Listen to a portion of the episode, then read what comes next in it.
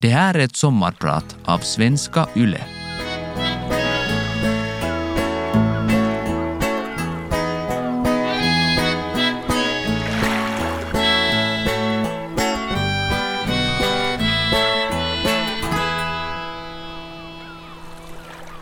I oktober 2014 avslutade jag alla mina politiska förtroendeuppdrag i Västnyland och på riksplan. Mina söner Viktor och Alexander puffar på. 27 år av samhällsarbete och samhällsansvar räcker väl till. Och jag höll med. Några tyckte att det var ett svek att sluta mitt i en period. Men jag packade en kappsäck, min laptop, min katt och steg på flyget. Jag flyttade till den grekiska ön Kos, en av de så kallade tolvöarna nära Turkiets kust. När taxin kurvade ner från flygfältet på de slingrande bergsvägarna började jag gråta. Egeiska havet skymtade i kurvorna. Det var så vackert, så rofyllt. Jag satt och snyftade på bakbänken i taxin med katten som satt i sin bur. Då visste jag inte hur mycket tårar jag måste fälla senare. Jag är pensionerad journalist, 70 plus ung. När jag flyttade till Kos hösten 2014 hade jag egentligen planer på att skriva om minnessjukdomar. Jag var fylld av helig ilska över det sätt en vän till mig behandlades av myndigheterna i Finland. Och nu tänkte jag minsann bomba dem med ord från mitt nya grekiska hem och min pensionärstillvaro. Men det blev inte riktigt så. Den stora flyktingströmmen kom och förändrade allt. Mina fem första år på KOS blev verkligen inte det jag hade förväntat mig. Åren har varit fyllda av stress och oro, av ilska och förtvivlan. Men förstås också hopp och glädje, värme och kärlek. Skrivande fick läggas åt sidan. Jag säger det med en gång. Jag älskar Grekland. Jag heter Britta Lindblom och är sommarpratare idag. Jag älskar Grekland av hela mitt hjärta. Det är någonting i, i marken, i stenarna, i luften. Naturen har sett likadan ut i 2000 år på vissa ställen. Och färgerna, det medelhavsblå, det vita, det grå. Och doften av timjan i bergen, av solvarmt gräs och olivlundarna. Och havet, det salta Egeiska havet som vaggar min kropp. Och himlen, så oändlig och så utsökt blå under soliga dagar och så vredgat grå och karg under oväder. Dramatisk himmel. Och ljuset, det finns ett särskilt ljus och skimmer där. Grekland lockar mig till lugn och meditation. Men landet lockar också till glädje över vänlighet, gästfrihet. Ett glas vatten, Retsina, några oliver på ett fat. Smaken av olivolja och fårost och solvarma tomater. Kos är en mycket liten ö, cirka 40 kilometer i längdriktningen. Ön ligger bara fyra kilometer från den turkiska kusten. Praktiskt taget över en natt ändrades allting sommaren 2015 då jag hade bott där knappt ett år. Ön förvandlades och blev en landningsplats för flyktingar, främst från Syrien. Men också från andra länder i krig, kris och fattigdom. Flyktingar kom från Afghanistan, södra Sudan, från Somalia och andra afrikanska länder. Och från fattigdomen i Pakistan, ett land som använder 80 procent av sin budget till militära kostnader det blir väldigt lite över till skolor och hälsovård. Och elektriciteten är påkopplad en timme per dygn. Här kommer lite pengar, gör något, uppmanade en vän och satte in 150 euro på mitt bankkonto.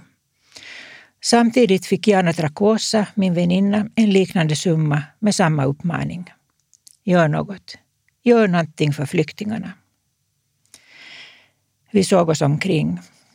Varje gräsplätt, kajremsa, park, gatstump var fylld av ryggsäckar, barn på badmattor, handdukar på tork, engångsmuggar, Kläder upphängda i träd och buskar för att torka. Människor sov på kartongbitar. Kvinnor satt på huk med små barn i famnen. Människor köade utanför polishuset i hamnen.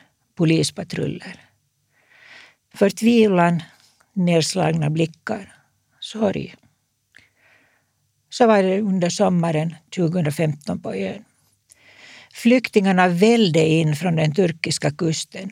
Varje natt kom över tusen personer. Gamlingar, familjer, barn utan föräldrar, nyfödda, män och kvinnor i alla åldrar. Tusen personer per dygn fördubblade antalet människor på ön varje månad. Det bor cirka 35 000 under vanliga förhållanden på Kos. Det var bara för mycket alltihop. Och vi var bara två finländska kvinnor med 300 euro. Vad kunde vi göra? För hjälpbehovet var oändligt. Vi tittade på varandra och bestämde oss för att göra någonting för barnfamiljerna. Efter funderande kom vi till ett baspaket. Konserver, saft, kondenserad mjölk, oliver, frukt, ost. Pålägg med höns, våtservietter, blöjor, bindor, tvål. Vi beslöt att göra ett experiment och använda hälften av summan. Det räckte till 17 baspaket. Vi började på Hippokratesgatan i centrum där många barnfamiljer fanns på stenläggningen. På 12 minuter var alla våra baspaket utdelade. Det var så det började. Vi startade en hemsida på Facebook, KOS Direkthjälp, Suora Apu, Help Direct. Och ganska snabbt hade vi 450 följare och vänner på Facebook-sidan. Vi kunde utvidga vår verksamhet och dela cirka 60 till 70 paket i veckan, fortfarande främst till barnfamiljer. Det finns så mycket hopp och många besvikelser i flyktingarbetet. Ena dagen verkar allt vara möjligt. Men den följande är byråkrati, misstro, rasism och brist på framtidstro och sätter krokben för allt hopp. Det är lite som en knagglig pardans. Ett steg framåt och ett steg bakåt. Ett definitivt steg framåt är den lilla ordbok som jag fick i Aten av en vän, Arian. En liten pappersbunt med vokabulär på sju språk. På 18 sidor lyckas denna parlör fånga in det väsentliga i ett flyktingsamtal. Hälsningsord, presentation av familjen, allmänna frågor om badrum och toalett. Var kan jag be? Var finns telefon? Sinnestillstånd. Jag är rädd. Jag fryser. Jag är hungrig. Hur länge ska vi vänta på våra papper? Veckodagar, månader? Hälsotillstånd, matvanor, allergier. Jag undrar hur många av dem som tar emot flyktingar har tänkt på ett svar på frågan Var kan jag be? Kommunikationen är svår. Ibland finns det inget gemensamt språk alls. Tecken, miner, gester får lov att räcka till. Det är också lättare för mig i mormorsklassen att kommunicera med till exempel de unga pojkar som kommer. De är inte vana att tala med volontärer, flickor i klädda shorts. Pojkstackarna vet inte vart de ska titta och blir för det mesta tysta och blyga. Berättelsen om den äldre kvinnan R från Syrien är så sorglig. I Syrien fick hon veta att hennes dotter, två barnbarn och svärson drunknat utanför Kalymnos på överfarten från Turkiet. R är över 70 år och har en dotter i Sverige. Den enda som finns kvar av hennes familj. Är inte frisk. Hon har diabetes och hjärtproblem. Och på något sätt lyckades denna syriska kvinna ta sig från Syrien till Kos för att begrava sin familj. Dottern och barnen återfanns efter drunkningen i oktober 2015. Svärsonens kropp var försvunnen. Familjen är begraven på den muslimska kyrkogården. Jana Trakosa och jag hjälpte med blommor och praktiskt. Och så började Rs väg för att få asyl. Efter en lång väntan föreslogs att hon skulle få asyl i Frankrike, Tyskland, Holland eller Finland. Tanken på att R skulle finnas i Finland med en dotter i grannlandet var bisarr. Efter ett särskilt ingripande av UNHCR, FNs flyktingorganisation, kunde slutligen R få asyl i Sverige och förenas med sin dotter. Dottern har skickat ett meddelande per telefon till oss och tackat för hjälpen. Men familjeåterföreningar slutar sällan så lyckligt som för den syriska kvinnan R. Den hjälp vi gav verkar ibland så blygsam. Ett par nya skor. Jag har svårt att glömma den afghanska familjen med små barn som hade urusla skor. Flipflops, strandsandaler av plast som nätt och jämnt hölls på fötterna. Sen vi köpt Converse, kopior, till barnen satt de hela kvällen och tittade på sina fötter och vickade på dem med jämna mellanrum. Vi var inte ensamma i hjälparbetet. FNs flyktingorganisation UNHCR kom, Röda korset kom och värdefullast av alla, Läkare utan gränser kom och satte upp medicintält. Flera grekiska frivilliga organisationer startades och internationell hjälp stödde verksamheten. Matutdelningen kom igång. Mycket enkel mat. Ris, bönor, bröd, vatten. Men ändå. Några grekiska organisationer ville haka på vår verksamhet som fungerade bra. Men vi sa varje gång nej. Ohi, ohi, nej tack, ohi, faristo. Vi var vana att arbeta tillsammans och fatta beslut över en kopp kaffe, en arbetslunch eller ett glas vin. Snabbt och enkelt. Ingen byråkrati, inga långa möten, ingen gräl om vem som var ordförande och vem som bestämde. Jag skötte Facebook-sidan och kontakten till vännerna i Finland, Sverige och andra länder, den lilla administration som behövdes. Tacka våra vänner. Jana skötte kontakten till andra hjälporganisationer, patrullera på stränderna, tolkade till grekiska. Vi lämnade matutdelningen och koncentrerade oss istället på kläder. Det är otroligt vilka kläder turisterna lämnar efter sig som skulle delas bland flyktingarna. En muslimsk kvinna kan inte använda de soldräkter som lämnades till flyktinghjälpen. Och många skandinaviska män var så stora, enorma. Deras byxor kunde ha rymt två, tre syriska pojkar. Vi köpte baskläder i Kina-butiker, t-skjortor, joggingbyxor och skor i massor. Flyktingarna hade urusla skor. De hade gått och gått och gått och gått till dem. Några minderåriga pojkar hade gått från Nepal till Turkiet. De flydde efter en stor jordbävning. Det tog dem fyra månader. Nu låg de och sov på trottoaren i centrum av Kos.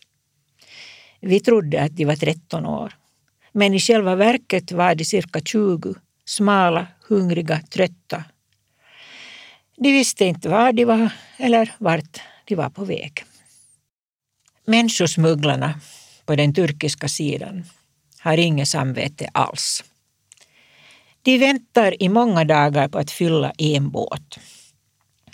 Medan de väntar samlas flyktingarna på en plats, ofta utan mat, möjligheter att sköta sin hygien och utan dricksvatten. En båt för tio personer fylls med cirka 30 till 40 personer.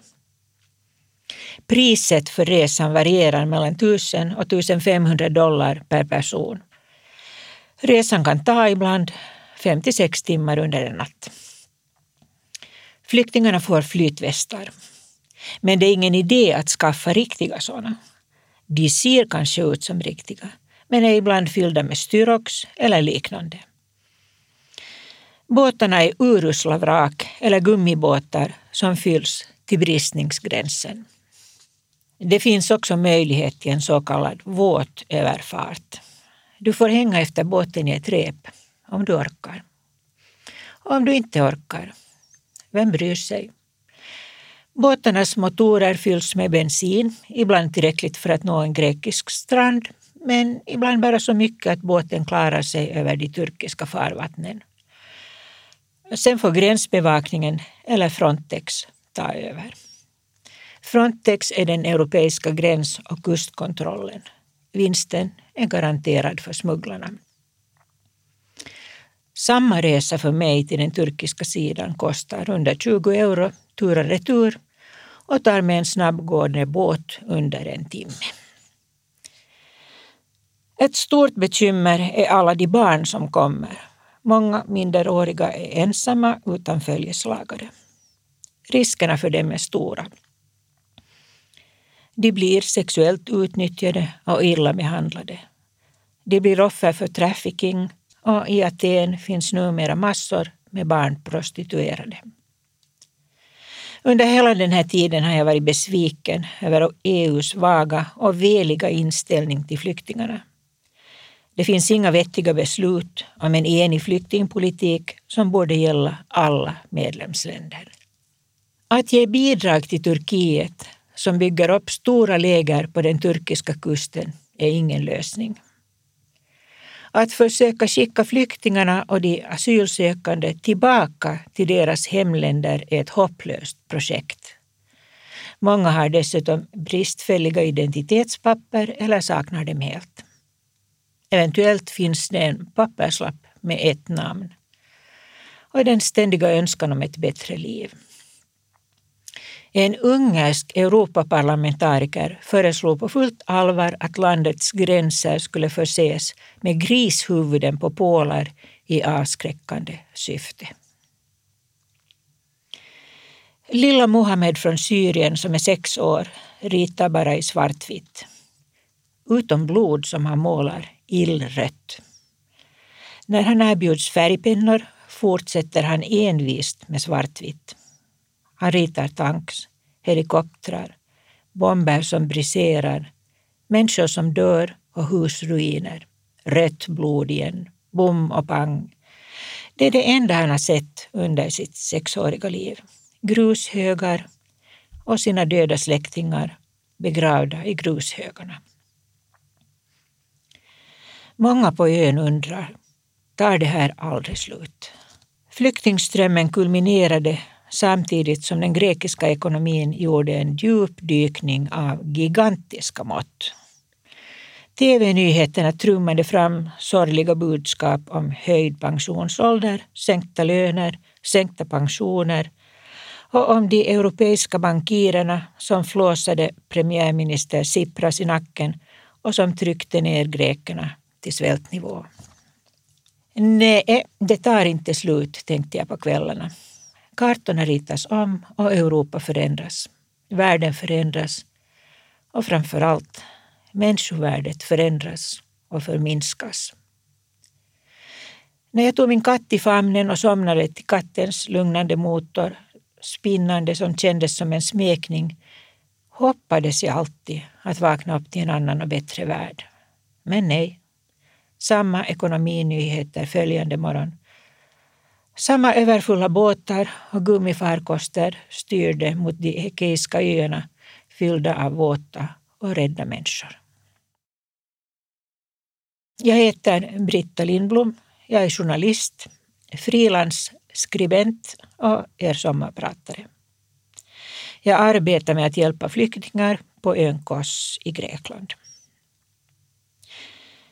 Vi har svårt att veta vilka fasor de har upplevt som steg i land på Kos. Frivilliga hjälper de våta, frysande och vettskrämda människorna. Bussar förde dem vidare till centrum, torra kläder, en kopp te och kex. Paketet kex som delades ut i bussen åts ofta genast upp av den första personen som fick paketet i sin hand. Bristen på gemensamma språkkunskaper, bristen på tolkar gjorde all kommunikation svår. På KOS fanns fem tjänstemän, fem alltså, som hade som uppgift att reda ut flyktingarnas asylfrågor och situation. Köerna vid polishuset ringla ändlöst långa och fortfarande kom fler och fler sjunkande båtar med människor. Det politiska etablissemanget slöt ögonen. Det var bekvämast så. Borgmästarens första åtgärd var att stänga alla offentliga toaletter. När det på europeisk och statlig nivå kom krav på att containerbyar borde byggas Eller gamla militärförläggningar borde användas som bostäder blev det ett ramaskri. Ska flyktingarnas närvaro bli permanent? Tänker de stanna här och bli försörjda av oss öbor? Aldrig i livet. De minderåriga ungdomarna trängdes in, många per rum, i ett anspråkslöst hotell. En del barnfamiljer fick tillfälliga bostäder i staden men hotspot-lägret i bergsbyn Pili byggdes trots protester. Så nu bor där cirka tusen personer bakom taggtråd. Den taggtråden finns inte bara för att hålla personerna innanför trygga utan också för att skydda dem som bor där från yttre hot, trygga deras liv. Och under tiden fick många flyktingar också resa vidare till fastlandet, till Aten och mot norr. Tyskland tog emot en miljon flyktingar under ett år. Och Finland. Ja, ni vet bättre än jag hur det är.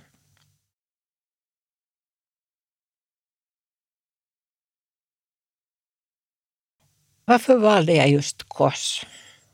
Jag har varit på många grekiska öar. Och i huvudstaden Aten förstås och utforskat Akropolis och andra viktiga ställen som återgavs i mina historieböcker i grumliga gråvita bilder som aldrig gjorde platserna rättvisa. År 1982 flög jag med min son Viktor som var ett och ett halvt år till Kos. Och så gick det för mig som för många andra finländska kvinnor. Jag förälskade mig i en grekisk man. Kärleken tog slut efter några år, men kärleken till ön och vännerna där fortsatte. Flyktingarbetet var tyngre än jag hade väntat mig. Och vad visste vi egentligen när vi gav oss in på det under sommaren och hösten 2015? Vi visste inte att omfattningen av arbetet skulle öka så mycket. Vi visste inte att vi behövde trösta, sörja, medla, försöka tolka, svälja tårar. Och också lära oss att skärma av, för annars hade vi aldrig orkat. Vi fick lov att se det som ett arbete vi gjorde, professionellt. Men det var omöjligt att tänka sig in i varje flyktings liv. Då hade vi gått under av sorg. Men det är klart att vissa människoöden har stannat i minne. Vi var också rädda när det på nolltid dök upp cirka 300 män som ville ha mat och vi hade 30 baspaket att dela ut. Då tänkte vi, aldrig mer. Vi måste inte göra detta. Men tydligen måste vi i alla fall för vi fortsatte och fortsatte. Ensam hade jag aldrig orkat.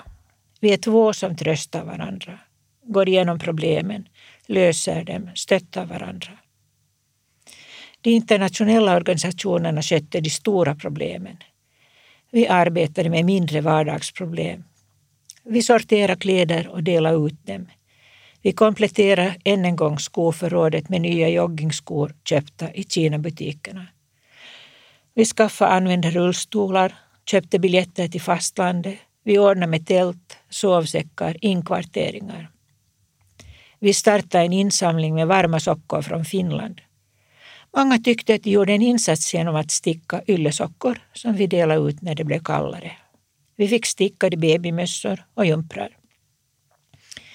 De som inte kunde sticka köpte upp sockor på julbasarerna i Finland och sände dem till oss. Föreningarna i Finland fick nytta och flyktingarna fick varma fötter. På Facebook rapporterade vi när sockorna kommit fram och om utdelningen och hela tiden höll vi våra vänner underrättade om läget på ön och om hur flyktingarna mådde.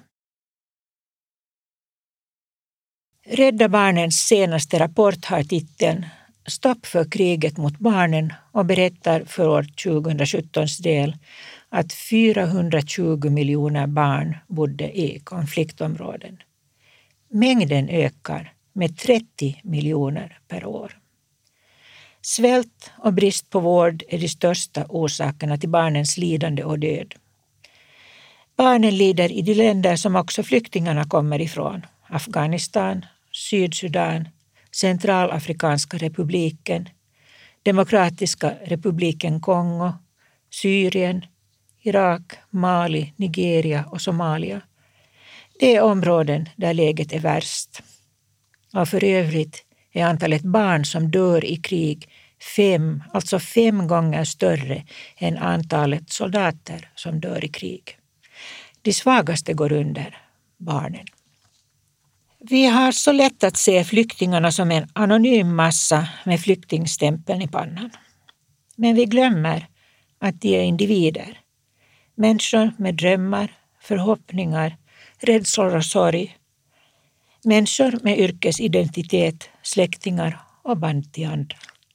Bland dem finns högt utbildade personer, läkare, lärare, jurister, sjukskötare, dataexperter, reportrar, mekaniska experter. Slutar de som städare på metroperronger och kontorslokaler i norr. Många har en total okunskap om läget i Europa. De tror på en gyllene framtid, arbete, bostad, god lön.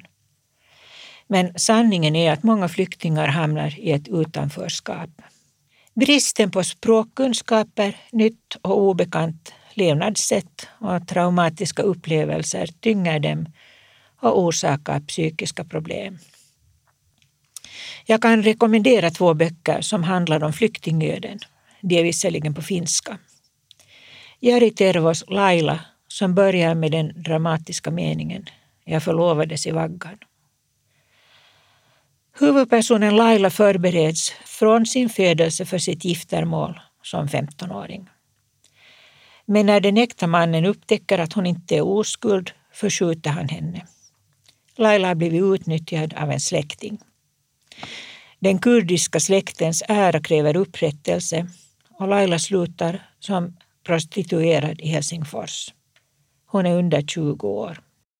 Den andra boken är skriven av Anja Snellman, Parveke Jumalat, Balkonggudarna och vi får följa Anis, en intelligent och ambitiös muslimsk flicka som vill bryta med det familjemönster som gäller för kvinnorna. Hon är duktigare än sina bröder, hon gör deras hemläxor, hon vill bli något. Men de muslimska traditionerna styr hennes framtid och slutet blir mycket olyckligt. När jag samlar material till mitt sommarprat läser jag Aegean Boat Report. Vi lever då i månaden mars med osäkert väder och häftiga vindar. Väldigt många åskväder bullrar på och elavbrotten är täta särskilt under nätterna och morgnarna. Flyktingtrafiken fortsätter oavbruten till de andra Egeiska öarna, främst till Lesvos som har över 7500 flyktingar bland annat i det beryktade lägret Moria där varje individ har en till en och en halv kvadratmeter till förfogande. En skamfläck med smuts, överfulla toaletter, avfall överallt. Samos och Kios får också ta emot nya flyktingar. Egeiska havet har kallats dödens hav. I början drunkna och omkom var 48 person. Numera är det var 18. På Kos är läget stabilt. Vi, Jana och jag, packar klädpaket för utdelning i hotspot-lägret just till kvinnor. Det finns storlekarna small, medium, large, extra large.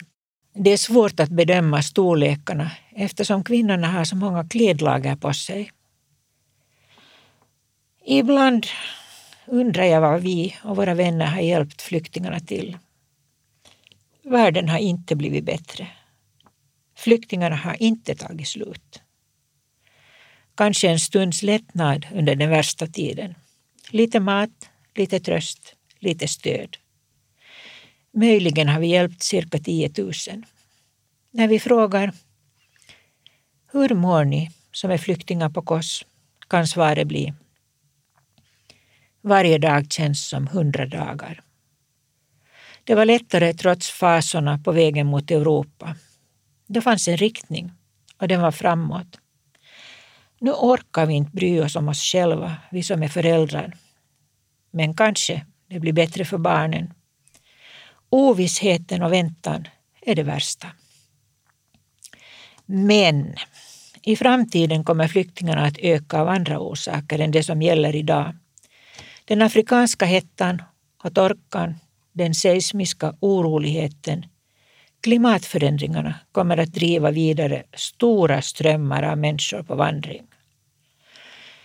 På en utställning som arrangerats av olika organisationer finns foton som flyktingarna tagit av sitt liv på Kos. Ett foto föreställer vingar på en mosaikplatta. Under står det på engelska. Vi har alla vingar. Använd dem. Jag heter Britta Lindblom och har varit er sommarpratare idag.